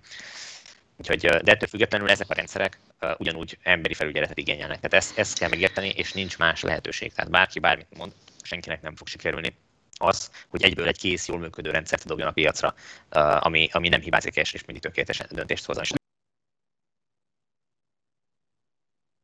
Ugye az a baj, ha nem lenne ez az átmeneti megoldás, akkor megakasztanánk a fejlődést. Tesztpályán nem lehet kikísérletezni, vagy, vagy nem tudom én, száz vagy ezer darab tesztautóval, amiket kiengednek a forgalomba képzett sofőrökkel, akik vész esetén beavatkoznak, ezekkel nem lehet elérni belátható időn belül a tökéletesen működő rendszer. Tehát kénytelen mindenki tesztalany lenni, úgy, hogy közben rengeteget profitál ebből, hiszen attól, hogy most az autó még nem vezet önállóan, attól sokat sokkal, sokkal kényelmesebb így ülni egy ilyen autónál. Tudom, nálunk családon belül is ez a meglátás, hogy az autó helyettem csak ne vezessen, majd én vezetek meg, hogyha úgyis oda kell figyelni, az úgyis több munka, mint, mint vezetni. Nem, ez abszolút nem így van. Tehát, hogyha valaki egyszer kipróbálja és végigmegy mondjuk 200 kilométert Budapest-Debrecen között így az autóval, hogy tényleg nem kell csinálni semmit, csak figyelni, és hogyha kell, akkor egyszer-kétszer közbeavatkozni, ez sokkal kevésbé fárasztó, mint ha végig nekem kellene kormányozni, és nekem kellene odafigyelni. Nem mondom, hát hogy kevésbé balesetveszélyes, mert ettől függetlenül oda kell figyelni, és hogyha elbambulok és nem figyelek oda, ugyanúgy történhet baleset, de a koncentráció, az sokkal kis, koncentráció igénye sokkal kisebb ennek, mint a, amikor én kell effektíve vezessek is. Pont ezt akartam mondani, az egyetlen kockázat abban látom, hogy már egyre jobb a rendszer, így ellankad az ember figyelme, és kevésbé felügyeli. Ezért, ezért jönnek majd ezek az éberség felügyelő rendszerek, hogy folyamatosan nézi a kamera, hogy hova nézel. Na most itt a Niós baleset kapcsán én még egy dologra akartam egy kicsit beszélni, mert uh, szerintem elég, eléggé kilóg láb, hogy itt is miről volt szó, hogy egy az úton álló, autópályán álló uh, teherautóba rohant bele. Uh-huh, mintha beszéltünk volna hasonlóról egy másik cég kapcsán. De alapvetően pont, pont ez a lényeg, hogy ez nem egy Tesla vagy NIO specifikus bug, és, és azért tartom fontosnak kiemelni, hogy kicsit erről beszéljünk, mert, mert lehetséges, hogy nem ártan egy ilyen megfelelési teszt, mert nem biztos, hogy mindenki, mindenki tisztában van ezzel. Szóval gyakorlatilag ez az összes radar alapú rendszernek hibája. Én egy időben vettem a fáradtságot, és végignéztem több cégnek így a használt utasítását, és mindenhol volt egy kis csillag megjegyzés, hogy mire kell figyelni. Ugyanis elsőre olyan furcsán tűnt, hogy hogy a fenében nem tudja észrevenni az autó, akár a, azt a hatalmas sárga fehérre festett ilyen, nem tudom, karbantartógépet, ami ott áll az út közepén, vagy mondjuk egy rendőrautót, vagy mentőautót, vagy egy tűzoltóautót, ami nagy piros, meg villog is. És valószínűleg pont a radar miatt nem tudják, ugyanis a radar nagyon sok ilyen nagy tárgyra, ami statikusan áll, fals pozitívot mond, mert nem tudja megkülönböztetni mondjuk egy betonpillértől, meg bármi ilyesmitől. Ezért itt mindig valami logikát alkalmaznak, ami alapján nem veszik figyelembe ezeket a dolgokat, különben rengeteg ilyen indokolatlan satufékezés lenne az autóban, ami szintén balesetveszélyes. Úgyhogy bárki bármilyen vezetés támogató rendszert használ, arra legyen figyelemmel, hogyha egy, egy bármilyen gép vagy, vagy ilyen segélyjármű áll valahol az út közepén, azt valószínűleg nem fogja észrevenni, nem mindig fogja észrevenni a radarja, úgyhogy ne bízza rá az életét, pont ezért kell odafigyelni ezekre a rendszerekre. Nem kell ehhez segélyjármű, igazából ha a forgalmikokból megáll a sorabba, ugyanúgy bele tud rohanni a civil autókba is. Én pont ezért akadtam ki ezeken a szalagcímeken, hogy a villogó rendőrautó, tűzoltóautó, a narancsárgára festett, nem tudom én, útkarbantartó autó, hogy nem igaz, hogy ez nem tűnik fel. Hát a radar Pontosan, nem, nem látja. Igen, és ezért lehet, hogy, hogy igazuk lesz végül a Tesla-nál, hogy kivezetik a radart. Most nem mindenképpen a, az ő okosságot akarom magasztalni, mert, mert azért erre előbb is lehetett volna gondolni, mondjuk, hogy a kamera, ha egy kivillogó kék fényt lát, akkor azt mondjuk írja már fel a radarnak a jelét, de hát ez valószínűleg nem ennyire egyszerű, mint amennyire én ezt most így látom. De lehetséges, hogy tényleg az van, hogy, hogy, hogy baj, hogy a túlzott a radarra támaszkodunk, mert nem mindenben. Hogy te fölül az egyik bejövő információnak az adattartalmát, ahhoz neked a másikat, jelen esetben a képet, az százszázalékosan, vagy közel százszázalékosan tudnod kell értelmezni, hogy ott mi történik azon a képen. Ahhoz, hogy meg tudj benne bízni, nem? ahhoz azt neked nagyon értelmezned kell, hogy te egy másik, egyébként megbízható jelforrásra azt mondod, hogy ez garbage, ez, ez szemét, ezzel nem kell foglalkozni. Tehát, hogy uh, ehhez nagyon uh, ott kell legyél a képföldolgozásban, a kép értelmezésében, és ha már ott vagy, akkor menni a francnak a radar. Tehát abszolút igazuk van. Igen, tehát hogyha ha odaütnánk el, hogy mondjuk azt mondják, hogy, hogy mondjuk ezt így bevezetik, hogy akkor jó, írja fölül, lehetnek olyan balesetek, most nyilván bármi, bármilyen képzelő szituációt ki tudunk találni, lehetne simán olyan, hogy valahol van egy Neo reklám az úton, mondjuk egy pepsi reklám, ami kék-pirosan villog, ugye, mert annak a cégnek mondjuk pont ilyen a logója, és azt hiszi erre mondjuk a színek alapján a rendszer, hogy azért rendőrautó, írjuk csak fölül a radarnak a jelét, az bevezetne mondjuk a betonpillérbe. Szóval nem annyira egyszerű, hogy akkor miért nem, miért nem veszi figyelme. Ennyire egyszerű lenne, azért ezen valószínűleg, én azt mondom az önvezetésnél, mindig azt mondom, hogy kb. ott kezdődik a számítástechnika, nem annál, ahol mint én csináltam régen, tehát hogy az informatika, szóval szerintem az önvezetésen a világ összes cégénél valószínűleg a, talán a legpengébb informatikusok dolgoznak, és ha ez ennyire triviális lenne, akkor ezt Igen, egyébként nagyon jól mutatja az önvezetésnek az összetettségét az, hogy például a Tesla is, hogyha most kiadja jövő héten talán a, a, az FSD bétának a tízes verzióját, ott egy teljesen újra tanított neuro, neurális hálót ö, töltenek le tulajdonképpen az autónak, ami alapján tud döntéseket hozni, ami azt mutatja, hogy újra és újra újra kell gondolni a teljesen nulláról újra kell felépíteni ezeket a, a tudásokat. Nincs, nincs az, amit sokan gondolnak, hogy jaj, hát itt tévedett, akkor egy kicsit csiszolgatunk rajta, megalakítunk, meg berakunk két if elágazást, meg mit tudom, mert abszolút nem így működik már a dolog. Nulláról újra tanítják, és ezért kellene olyan gigantikus uh, teljesítményű számítógépek, amit, mint a Dolcsó, amiről írtál egy, egy cikket. Uh, ezt is majd szerintem belékelhetnénk. Ha valaki nem olvasta, akkor ezt érdemes elolvasni. Mert máskülönben ezt nem lehet megcsinálni.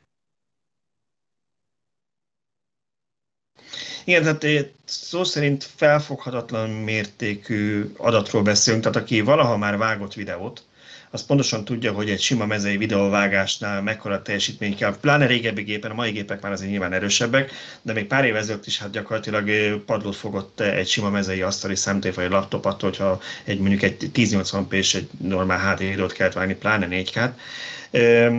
És itt meg arról beszélünk, hogy még 8 kamerának a képét kell valós időben feldolgozni, és még a másodperc ezer része alatt elemezni, és a, szintén a, a Tesla vezető napon mondták, hogy más, hogy volt, 15 millisekundum, vagy alatt 2500 e, különböző utat vizsgál végig a gép, hogy merre kéne mennie. Tehát ezek ilyen elképesztő, felfoghatatlan adatmennyiségek, e, és ha már a V10 kapcsán beszél, mondtad, említett, hogy itt arról van szó, hogy a, ez, tehát most nem az autopilotról beszélünk, hanem a Tesla kapcsán, hanem az FSD-ről, ez a Full Self Driving betáról.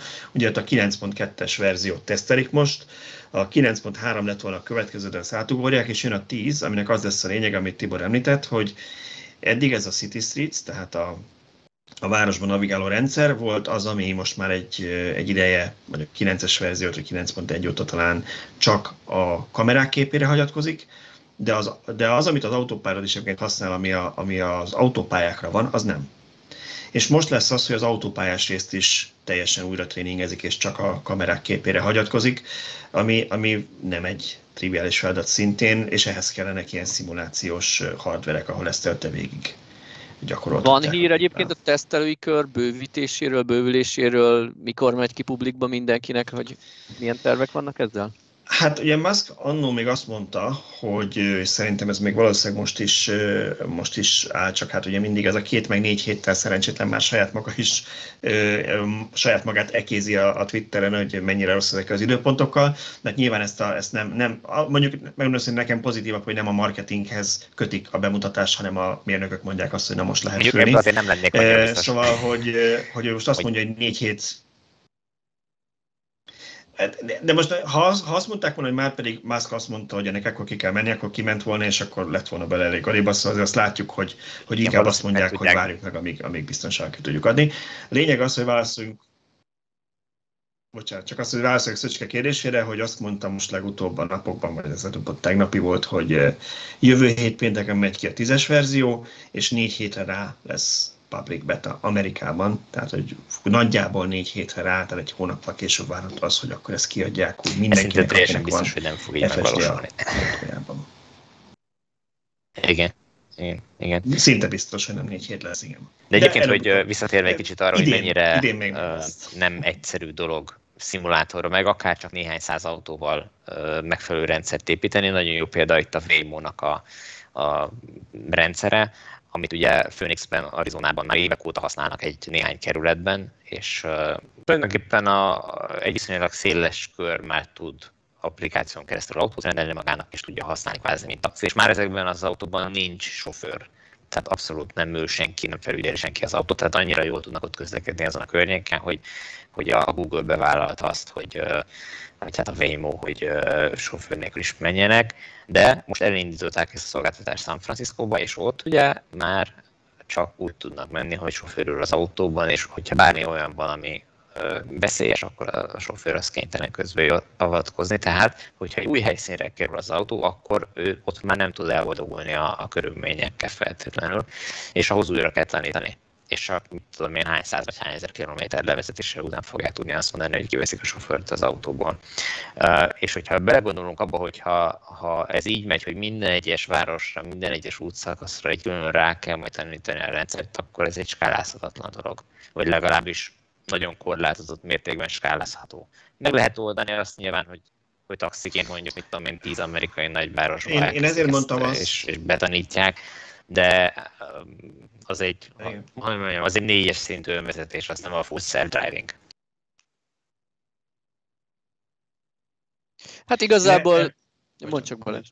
Hát csak annyit akartam mondani, hogy erre mondtam, azt szerintem már erről egyszer beszéltünk, hogy én nem tartom teljesen őszintének pár cég kommunikációt az ügyben, mert szerintem azok a cégek, akik ebből az irányból közelítik meg, hogy be kell tanítani HD mappekkel állandóan újra kell térképezni, mert különben nem működik, hogy gyakorlatilag ők nem egy olyan önvezetést akarnak, amit lerakok nem mondunk magyar települést, mert megsértődik, tehát bármi kis magyar faluban, és majd ott is működik, onnantól kezdve, hogy ismeri, magyar kreszt működik, eh, hanem, hanem az gyakorlatilag működni fog. Pekingben működni fog, San Francisco, Los Angelesben lesz egy pár olyan lukratív nagyváros a világon, ahol ez egy jó piac, és ezek a cégek igazából ott akarnak egy tök jó sofőr nélküli, tehát olcsón működtethető, és gyakorlatilag autók hozzáadásával skálázható taxiszolgáltatást csinálni, amivel akár teljesen is lehet tarolni a piacot, de ez nem fog ö, valami kis magyar településen soha működni, mert ott senki nem fogja hetente. Hadd védjem meg őket, szerintem igazából ők nem uh, álságosak, és nem, nem, nem mást mondanak, mint a, a, amit gondolnak, hanem egyszerűen más megközelítést választottak a, annak idején, amikor elindultak vele, de a végeredmény az az lesz, hogy ugyanoda fognak ők is eljutni, lehet, hogy kicsit más úton, de ugyanoda fognak eljutni, mint a Tesla, uh, és, és az ő rendszerük is fog mindenhol működni, csak egy teljesen más utat járnak be, hogy melyikkel lehet hamarabb megoldani. Én úgy gondolom, hogy a Tesla megoldásával, de hát nyilván még az élet ránk cáfolhat. Ők is meg fogunk tanulni egyébként lézer, meg a radar, meg ilyenek nélkül csak a képek alapján tájékozni, mert máskülönben nem megoldható a, a dolog. Egyszerűen más, másképp nem, nem megy, hogy a kamera képeket nem tudod százszázalékosan értelmezni, akkor, akkor nem tudod eldönteni az zacskóról, amit a, a szélbe fújt az autó elé az autópályán, hogy ez egy betontöm vagy egy zacskó. A radarképen, meg a lézerkép alapján semmiképpen. Itt szerintem az a kérdés, hogy mi a cél. Tehát, hogyha az a cél, hogy egy fix területen, meghatározott területen robotaxit üzemeltessünk, arra bármelyik jó lehet. Ha az a cél, hogy a magánhasználó autókból is kiszerelhessük a kormányt, akkor talán én is úgy gondolom, hogy a Teslának van erőbb célba érni esélye. Viszont ha magánhasználható autóban ott marad a kormány, de engem a hét minden napján elvisz az irodába dolgozni és hazahoz úgy, hogy én közben dolgozhatok már a kocsiban, vagy teljesen mindegy, elolvashatom a híreket nyugodtan, az már egy hatalmas nagy előny, még akkor is, hogyha azt mondja, hogy most nyaralni megyek, most nekem kell vezetni, vagy legalábbis az út egy részén nekem kell vezetni, mondjuk az autópályákon elboldogul, de onnantól, hogy, hogy lemegyek a tengerparti nyaralóhelyhez legközelebbi autópályalehajtótól, onnantól nekem kell vinni az autót. Szerintem ez azért egy vállalható kompromisszum lenne sokak számára ma is. Igen, de szerintem mire ide jutnánk, hogy a te autódban ilyen rendszer legyen, és ne csak kiválasztott taxik szolgáltatásoknak az autóiban, addigra szerintem meg már el fognak jutni oda, hogy mindenhova százszázalékosan működni fog. Szerintem. Elképzelhető. Ez leginkább az áraktól függ szerintem, hogy mennyire tud olcsó lenni ez a rendszer, hogy a tömegautóval Mennyire tud tömeg. Így van. Igen, igen nem tudom, a hallgatókat kérdezzük meg, hogy ők mit gondolnak erről, tehát kommentbe, hozzászólásba írjátok már meg, hogy, hogy nektek mi a az önvezetésről, úgy általában, illetve hogyha ti hisztek benne, akkor ti azokat, akik a, a környezetetekben nem hisz ebben a fejlődés, vagy ebben a fejlődésnek ebben az irányába, akkor hogyan győzitek meg, hogyan próbáljátok meggyőzni, hogy már pedig ez lesz a jövő, és, és ehhez kell hozzászólni majd. Én nagyon kíváncsi lennék, mert ezzel én is a állok a, a hétköznapokban. Hogy meggyőzni másokat erről? Igen, tehát hogy ott van például az én autómban az Open Pilot, ami viszont jól működik. Én mutatom nektek, azt szerintem publikusan nem raktam föl sehova, de ilyen földúton készült felvételt, ahol nincs fölfestés, még csak aszfaltozott, semmilyen út nincs. Kiárt földút van, ahol látszanak a, a, a keréknyomok, és, és nagyon gyakorlatilag derékszögű kanyart kell bevegyen az autó, egymás után kettőt is, és tökéletesen megcsinálja az Open Pilot tehát, hogy, hogy szenzáció. Nyilván nagyon-nagyon sok mindent meg nem tud megoldani, tehát azt hozzá kell tenni, hogy nem ismeri a táblákat, nem ismeri a lámpákat, nem ismer föl gyalogost, nem tud gyorsítani, lassítani normálisan, tehát hogy rengeteg hibája van még, de amit tud, azt veszett jól tudja. És kicsit ezeket a hibákat is az autóból, a, a Nissan saját rendszeréből örökölt, utas videódon, hogy van valami minimum sebesség, ami fölött aktív tud lenni. Na hát igen, tehát azért 30-al egy földúton csapatni, az nem minden földúton megoldható. Ha a rendszer tökéletesen tudna vezetni 17 km per órával, akkor már is nem repülnénk el egy kártya. Igen. Egyébként, ha lenne felvezető autó, tehát egy olyan autó, amelyik előtte megy 17-tel, akkor, akkor hmm. tudná követni 17-tel, tehát le tud lassítani, és akkor is megoldja, de önmagától ugye a Nissan nem engedi, hogy a, a sávtartás aktív legyen, vagy aktiválható legyen 30 alatti sebességnél, és az alá nem is csökkenthető a valamiért a, a sebesség. Igen, pont ezt akartam, hogy nagyon sok függ attól, hogy a gyártó mit engedi ez a rendszerben, tehát a Tesla például nem engedi elvileg, hogy bekapcsoljon felfestés nélküli úton, nem vagyok benne biztos, hogy azért, mert nem tudná megoldani, hanem mert így biztonságos még egyelőre. De igen, tehát én azt, én azt mondanám, hogy nekem így az a záró véleményem erről, hogy még nem találkoztam olyan területtel, ahol bevált volna az a mondás informatika kapcsán, hogy erre úgysem lesz soha képes a számítógép, vagy nem lesz elég teljesítménye. Annál gyorsabban fejlődik mind a hardware, mind a szoftver, mint hogy ezek sokáig éljenek ezek a mondatok. Jó, szerintem, hogyha nem maradt bennetek más ennek a témának kapcsán, akkor minek után elértünk megint a másfél órához. Szerintem itt zárjuk le a beszélgetést, aztán majd legfeljebb ezt a jó kis bitcoinos témát átvisszük egy következő adásba. Milyen, milyen boldog vagyok most, ugye? Nem tudják a hallgatók, ezt muszáj vagyok megosztani, hogy Laci írta a bitcoinos cikket, és ő van leginkább otthon ebben a technológiában, és én felvetettem, hogy inkább, inkább ő legyen itt ebben a beszélgetésben, mire Tibor kiosztotta nekem, hogy akkor én képviselem Laci álláspontját, és egy kicsit kicsit be voltam rocizva ettől a feladattól. Igen, igen, mondtam. Meg tudok-e felelni én, a hallgatók Tibor és Laci elvárásainak egyszerre? Én meg nagyon felületesen ismerem a témát, mert olyan so, so, nagyon, nagyon sose izgatott, úgyhogy bár én valószínűleg kevésbé pozitívan állok hozzá, sőt, biztos, hogy kevésbé pozitívan állok hozzá, mint, mint Laci. Nem tudnám a másik oldalt se olyan vehemenciál képviselni, mert egyszerűen nem vagyok benne elég tájékozott hozzá. Úgyhogy lehetséges, hogy azt kell, hogy majd meghívjuk Lacit, és akkor Tibor és Laci jól elbeszélgetnek, és Szöcske, vagy én, amelyikünk itt van, az pedig így nagyon megértem bólogat és helyesen, hogy milyen okos fiúk ezek itt. Nem, de mi van akkor, hogyha, ha én maradok, és Laci győz meg benneteket, hogy ez a bitcoin ez nem is akkor nagy marhaság? Én még ezt sem bánom. Igazából egy villanyóra külön számot is csinálhatunk a bitcoinról. Hogyha szeretnék ezt a nézőink, hallgatóink, olvasóink írják meg hozzászólásban, és szavazzanak, hogy legyen-e bitcoinos külön szám. Hát nem külön szám, hogy akkor a következő adás akkor legyen bitcoinos. Nem? Azt megígérhetjük a... a, a Simán, a, nem muszáj ennek külön számnak lenni.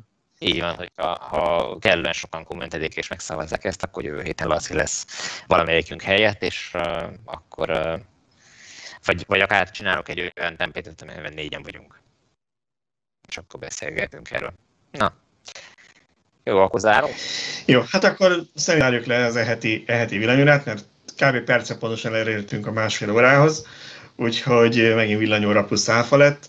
Nagyon hát szépen figyelj, köszönöm nektek a... Neki senkinek jó, tehát a 27 név a maximalizálva, és ezt kimaxoljuk Magyarországon. Tehát az... ne, ne adjak ötleteket, ugye? Igen. Jó, Szóval köszönöm nektek a részvételt, és köszönöm a hallgatóknak, a nézőknek, hogy megint minket választottak, és innen folytatjuk jövő héten. Sziasztok! Sziasztok!